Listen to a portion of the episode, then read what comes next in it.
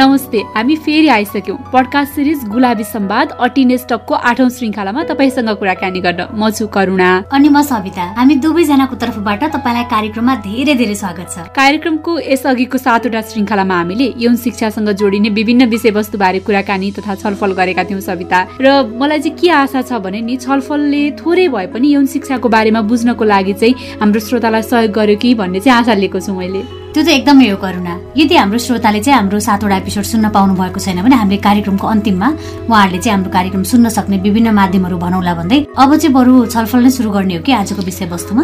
हुन्छ सविता र मलाई चाहिँ आज सेक्सुअल हेरेसमेन्ट अर्थात् यौन दुर्व्यवहार भनेको के हो भन्ने विषयमा चाहिँ कुराकानी गर्न मन लागेको छ। एकदमै तिमीले रिलेभेन्ट इस्यु उठायो करुणा। हामीले विभिन्न समयमा विभिन्न स्थानमा यौन दुर्व्यवहारको घटना भएको कति धेरै सुन्छौँ नि। अनि यसको प्रसङ्ग समाचार तथा सामाजिक सञ्जालमा पनि विभिन्न समयमा निस्किनै रहेको हुन्छ कि? त्यो त हो सविता तर तिमीले याद गरेको छौ कि छैनौ कतिपयलाई भने यौन दुर्व्यवहार भनेकै के हो? कस्ता खालका क्रियाकलाप वा भनौँ न घटनाहरूलाई चाहिँ यौन दुर्व्यवहार हुन् भनेर थाहा पाउने भन्ने त्यो जानकारी नै नहुँदा पनि दुर्व्यवहारमा पर्ने नजानेरै अरूलाई चाहिँ दुर्व्यवहार गर्ने जस्तो गरेको पनि पाइन्छ नि। एकदमै हो करुणा।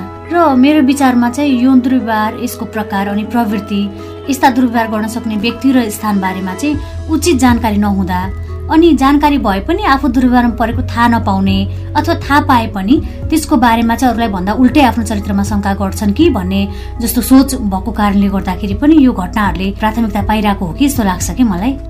र तिम्रो कुरा सुन्दा नि सविता मलाई लिरिसा तुलाधारसँग गरिएको कुराकानी याद आयो कि? केही वर्षदेखि चाहिँ उहाँले sexual and reproductive health and राइट्सको क्षेत्रमा चाहिँ सक्रिय भएर काम पनि गरिराख्नु भएको छ। उहाँले चाहिँ मैले यही विषयमा नै छलफल गर्नको लागि यौन दुर्व्यवहार भनेको के हो भनेर पहिलो प्रश्न चाहिँ सोधेको थिएँ उहाँले चाहिँ यसलाई कसरी व्याख्या गर्नुभयो भनेर चाहिँ म तिमीलाई सुनाइहाल्छु है त। हुन्छ हुन्छ करुणा। कुनै पनि एक्टिभिटी होइन त्यति साह्रो कम्फर्टेबल नहुने अथवा हामीलाई चाहिँ यो चाहिँ गलत हो है भन्ने खालको त्यस्तो छ भने चाहिँ त्यसलाई दुर्व्यवहार भनेर चाहिँ हामीले टर्म गर्न सक्छौँ होइन। अब ठ्याक्कै सेक्सुअल हेरेसमेन्ट अथवा यौन दुर्व्यवहार भन्नु पर्दाखेरि चाहिँ अब कुनै सेक्सुअल एक्टिभिटीको लागि चाहिँ कसैले हामीलाई दबाब गर्छ अथवा हामीलाई चाहिँ अब उपहार दिएर हामी सेक्सुअल इन्टरकोर्स गरौँ अथवा हामी सेक्सुअली इन्भल्भ हौँ यौन गरौँ भन्ने त्यस्तो गऱ्यो भने चाहिँ त्यो पनि यौन दुर्व्यवहारमै पर्न जान्छ। अब सेक्सुअल गुप्त अङ्गहरूमा छोइदिने अथवा भर्बल्ली पनि हुनसक्छ जस्तै अब नाम बोलाउनेहरू हुन्छ नि त्यो हेपेर त्यस्तो त्यस्तो पनि अब हेरेसमेन्टमा चाहिँ पर्न सक्छ। यसका प्रकारहरू चाहिँ के के हुन्छन् र को को व्यक्ति चाहिँ यौन दुर्व्यवहारमा पर्न सक्छ? ठ्याक्कै हेरेसमेन्ट मात्र भन्यो भने धेरै प्रकार हुनसक्छ होइन? अब जस्तै भर्बली हुनसक्छ अहिले एकदम चलिआएको भनेको हाम्रो अनलाइन हेरेसमेन्टहरू पनि छ। कतिजनालाई त थाहा नै हुँदैन अनलाइन उनीहरू हेरेस भइरहेको हुन्छ होइन? त्यो सेक्स च्याटहरू गरिदिने होइन? नचाहिएको व्यक्तिहरूले रिक्वेस्टहरू पठाउँछ। पठाउँछ अनि रिक्वेस्ट पठाइसकेपछि नाङ्गो पिक्चरहरू त्यस्तोहरू पठाउने होइन त्यो पनि एउटा खालको हेरेसमेन्टै हो। अथवा अब फिजिकल हेरेसमेन्ट भनेको अब धेरै इक्जाम्पल दिनु पर्दाखेरि भिडभाडको बसमा हामीले एकदमै थाहा पाइरहेको केटीहरूलाई छोइदिने होइन टाँसेर अब उभिन आइदिने अलि उता जानुहोस् न भने पनि टाँसेर हाम्रो यसो छोको जस्तो गर्ने त्यो एउटा खालको हेरेसमेन्ट भयो फिजिकल हेरेसमेन्ट होइन। अब यो सेक्सुअल हेरेसमेन्ट बच्चालाई पनि हुनसक्छ एडल्टहरूलाई पनि भइरहेको केसेसहरू छ। कतिजनालाई चाहिँ लाग्छ कि केटा मान्छेलाई हेरेसमेन्ट हुँदैन अथवा केटी मान्छेलाई कि त यौनिक तथा लैङ्गिक अल्पसङ्ख्यकलाई मात्रै चाहिँ हेरेसमेन्ट भइराखेको देखिन्छ। तपाईँको विचारमा चाहिँ जेन्डर बेसिसमा हेर्दाखेरि चाहिँ को को चाहिँ हेरेसमेन्टमा पर्न सक्छन्? हजुर। अब हेरेसमेन्ट नभएको कोही पनि हुँदैन होइन? धेरै सुनेको भनेको महिला र अल्पसङ्ख्यकहरू तपाईँले भन्नुभएको जस्तै तर केटाहरूलाई पनि भएको छ। अब एज अनुसार हेर्नु पर्दाखेरि ब बच्चालाई पनि भएको छ होइन?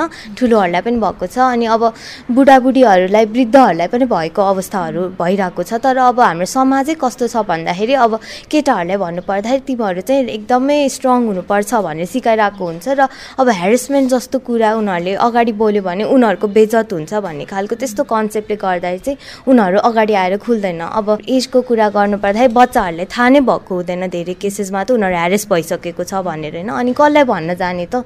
अब भन्न गए पनि धेरै जसो हेरेसमेन्ट हुने भनेको आफ्नै फ्यामिली मेम्बर्सहरू रिलेटिभ्स नातेदारहरूले गरिरहेको केसेसहरू छ होइन। अब मेरो नातेदारले मलाई यस्तो गरेको भन्दाखेरि भिक्टिमलाई चाहिँ ब्लेम हुन्छ। त्यो बच्चालाई तिमीले झुट बोलेको भनेर भ एकचोटि भनिदिएपछि उसलाई अब भन्ने हिम्मतै आउँदैन फेरि। कसलाई भन्न जाने त भन्ने जस्तो हुन्छ होइन?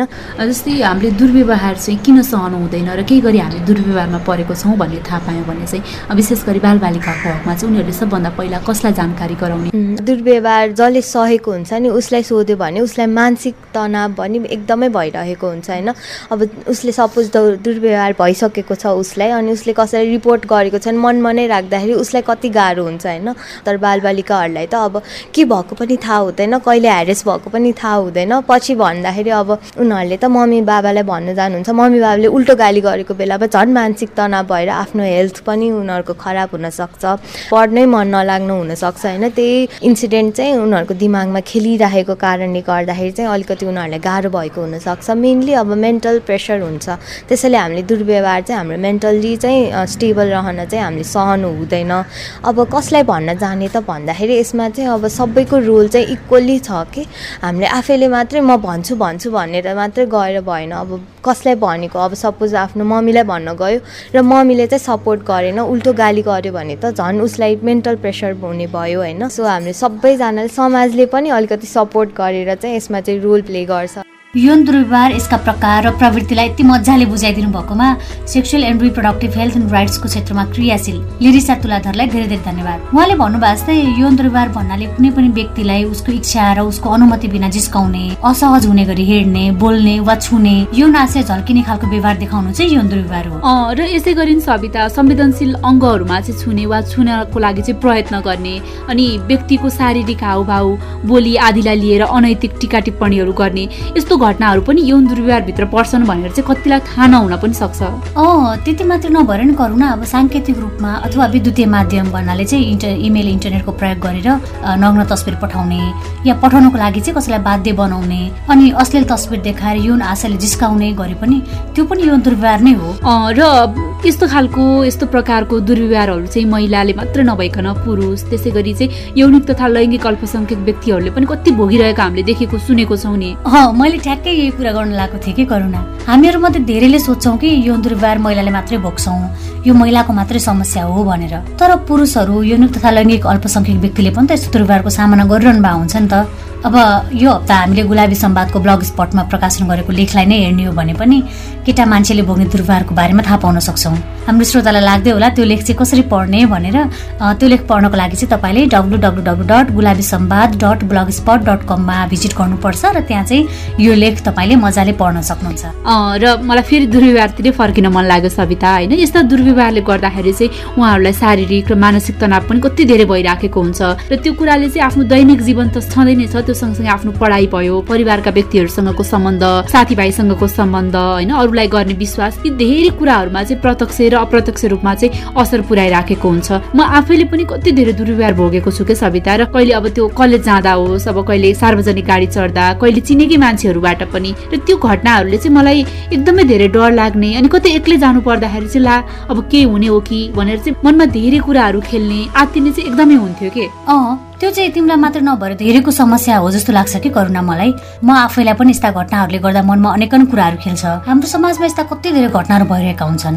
होइन कतिले चाहिँ आफू दुर्व्यवहारमा परेको कुराहरू प्रहरीकोमा गएर उजुरी गर्नुहुन्छ। कतिले चाहिँ उजुरी गर्न पनि डराउनुहुन्छ कि? तिमीले प्रहरीमा दर्ता हुने घटनाको बारेमा कुरा गर्दा नि सविता यो दुर्व्यवहारका चाहिँ कस्ता कस्ता घटनाहरू प्रहरीमा दर्ता हुने गरेका छन् भनेर मैले नेपाल प्रहरीको महिला बालबालिका तथा ज्येष्ठ नागरिक निर्देशनालयकी डिएसपी हुनुहुन्छ दिप्ती कार्की उहाँसँग कुराकानी गरेको थिएँ। त्यही कुराकानी चाहिँ सुनाइहाल्छु है त। प्रहरीमा चाहिँ वर्षभरिमा जति पनि मुद्दाहरू चाहिँ प्रहरीले दर्ता गर्छ त्यसमा लगभग बिस प्रतिशत जस्ता मुद्दाहरू चाहिँ प्रत्यक्ष रूपमा महिला तथा बालबालिका विरुद्धका मुद्दाहरू चाहिँ हुने गरेका छन्। त्यसमा पनि अब लैङ्गिक हिंसाका मुद्दाहरू मध्ये पनि घरेलु हिंसापछि सबैभन्दा बढी यौन हिंसाका घटनाहरू जस्तै रेप अटेम्प टु रेपका घटनाहरू चाहिँ प्रहरीमा वर्षेनी दर्ता हुने गर्छन्।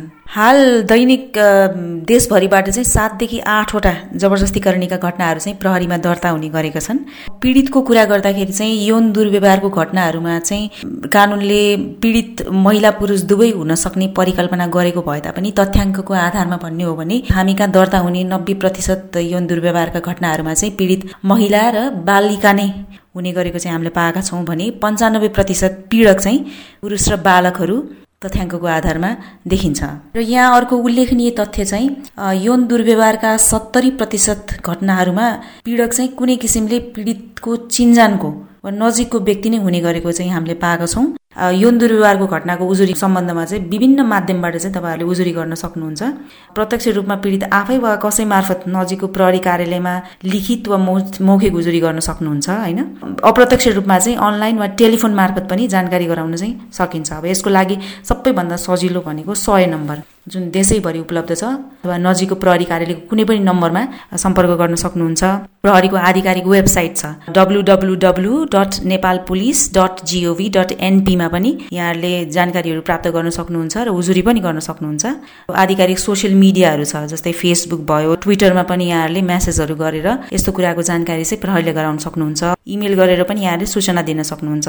हाम्रो इमेल एड्रेस चाहिँ C I C U at the rate Nepal police dot G O V dot N P भन्ने छ। त्यसै गरी हाम्रा टोल फ्री नम्बरहरू छन् सोह्र साठी शून्य एक एकचालिस पाँच सोह्रमा पनि यहाँले फोन मार्फत पनि यस्ता उजुरीहरू चाहिँ जानकारीहरू गराउन सक्नुहुन्छ। नेपाल पुलिसको मोबाइल एप्लिकेसन पनि छ। नेपाल पुलिस भन्ने यहाँले प्ले स्टोरबाट डाउनलोड गरेर राख्न सक्नुहुन्छ र त्यसबाट पनि यहाँहरूले घटनाहरूको जानकारी चाहिँ प्रहरीलाई गराउन सक्नुहुन्छ। र अर्को भनेको हाम्रो केन्द्रीय प्रवक्ता सेन्ट्रल स्पोक्स पर्सनको आधिकारिक टेलिफोनमा प्रत्यक्ष रूपमा पनि जानकारी गराउन सक्नुहुन्छ। अन्ठानब्बे पाँच बाह्र बयानब्बे एक सय एघारमा पनि प्रत्यक्ष रूपमा टेलिफोन गरेर यस्ता घटनाहरूको चाहिँ जानकारी यहाँले प्रहरीलाई गराउन सक्नुहुन्छ उजुरी गर्न सक्नुहुन्छ। नेपाल प्रहरीले सबै प्रकारको लैङ्गिक हिंसाको घटनाहरूलाई चाहिँ विशेष संवेदनशीलताको रूपमा हेर्छ। यस्ता घटनाहरूको चाहिँ शीघ्र सम्बोधनका लागि प्रभावकारी सम्बोधनका लागि चाहिँ देशभरि दुई सय तेत्तिसवटा भन्दा बढी चाहिँ हाम्रो महिला बालबालिका तथा ज्येष्ठ नागरिक सेवा केन्द्रहरू चाहिँ प्रहरी कार्यालयमा अवस्थित छन्। सतहत्तरवटा जिल्लामा छ काठमाडौँ महानगर र सातैवटा प्रदेशमा चाहिँ महिला प्रहरीको दरबन्दी सहित यस्ता सेवा केन्द्रहरू चाहिँ छन्। र हरेक प्रहरी कार्यालयमा चाहिँ यो सम्बन्धी हेर्ने छुट्टै शाखाहरू पनि छ।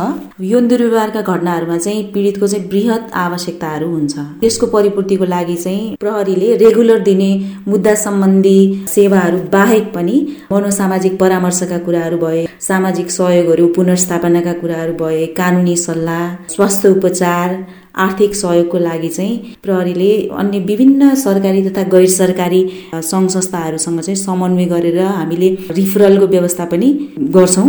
जस्तै कि hospital based one stop crisis management centre O C M C भन्छ होइन? त्यसमा चाहिँ यो बहत्तरदेखि चौहत्तरवटा जिल्लाहरूमा अहिले सरकारी अवस्था अस्पतालमा अवस्थित छ। त्यहाँ चाहिँ मनोपरामर्शकर्ता डाक्टर प्रहरी सबै चाहिँ एकै ठाउँमा बसेर सेवा दिने हिसाबले यो एउटा संयन्त्रको विकास गरिएको छ।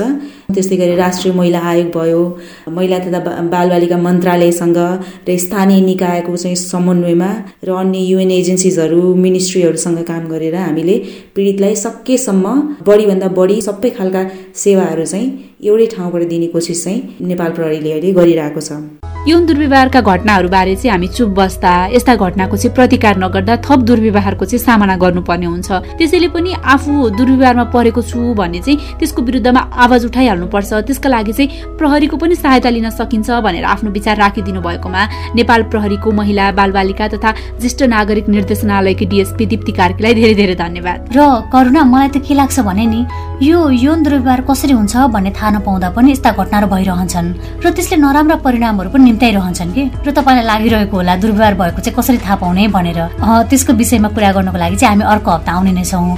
यही भन्दा चाहिँ करुणा आजको लागि चाहिँ विधै माग्ने हो कि? हुन्छ सविता। बरु विदा माग्नुभन्दा अघि चाहिँ आजको यो हामीले जुन छलफल गऱ्यौँ यसको चाहिँ प्रतिक्रियाहरू के के छ भनेर चाहिँ प्रतिक्रिया नै माग्नुपर्छ होला। अँ हामीलाई तपाईँको सल्लाह सुझाव प्रतिक्रिया पठाउनको लागि चाहिँ Gulabi Sambad at gmail dot com G U L A B I S A M B A D Sambad at gmail dot कममा इमेल मार्फत आफ्नो कुरा भन्न सक्नुहुन्छ।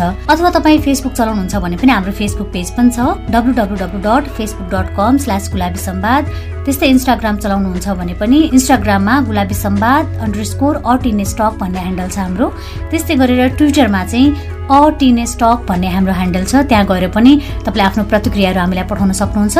त्यस्तै साउन्ड क्लाउडमा गएर गुलाबी सम्वाद सर्च गर्नुभयो भने त्यहाँ हाम्रो कार्यक्रमहरू छन्। त्यहाँ गएर चाहिँ कार्यक्रम सुन्ने आफूलाई मन परेको कार्यक्रम डाउनलोड गर्ने साथीभाइलाई सुन्नको लागि सजेस्ट पनि गर्न सक्नुहुन्छ अनि आफ्नो कुराहरू सेयर पनि गर्न सक्नुहुन्छ। त्यो सँगसँगै चाहिँ तपाईँले देशभरिका विभिन्न पन्ध्रवटा स्थानीय एफएमहरूबाट पनि हाम्रो यस पडकास्ट सिरिज गुलाबी सम्वाद अटिने स्टक सुन्न सक्नुहुनेछ। तपाईँले अहिले कुन माध्यमबाट वा कुन रेडियोबाट चाहिँ कार्यक्रम सुनिरहनु भएको छ त्यो जानकारी पनि हामीलाई गराउन चाहिँ नबिर्सिनु होला त्यस्तै गुलाबी सम्वाद अटिने स्टकले उठाउने विषयवस्तु अथवा चाहिँ यौन तथा प्रजनन स्वास्थ्य अधिकारसँग सम्बन्धित सामग्रीहरू हाम्रो ब्लग ठेगाना। W W W dot Gulabi Sambad dot blog spot dot कममा पनि प्रकाशित छन्। ती सामग्री पनि तपाईँले पढ्न सक्नुहुन्छ। यदि तपाईँको पनि त्यस्तै खालका अनुभवहरू छन् भने हामीलाई अघि हामीले भनेको इमेल गुलाबी सम्वाद एट जिमेलमा इमेल पनि गर्न सक्नुहुन्छ। हस् त यही जानकारीहरूसँगै चाहिँ अहिलेको लागि पडकास्ट सिरिज गुलाबी सम्वाद अटिनेस्टकको आठौँ श्रृङ्खलाबाट विदा माग्ने बेला भएको छ। हामी अर्को हप्ता नयाँ विषयमा कुराकानी गर्न आउने नै छौँ। सविता र करुणा विदा माग्छौँ। नमस्ते। अर्को श्रृङ्खलामा पुनः भेट्नेछौँ।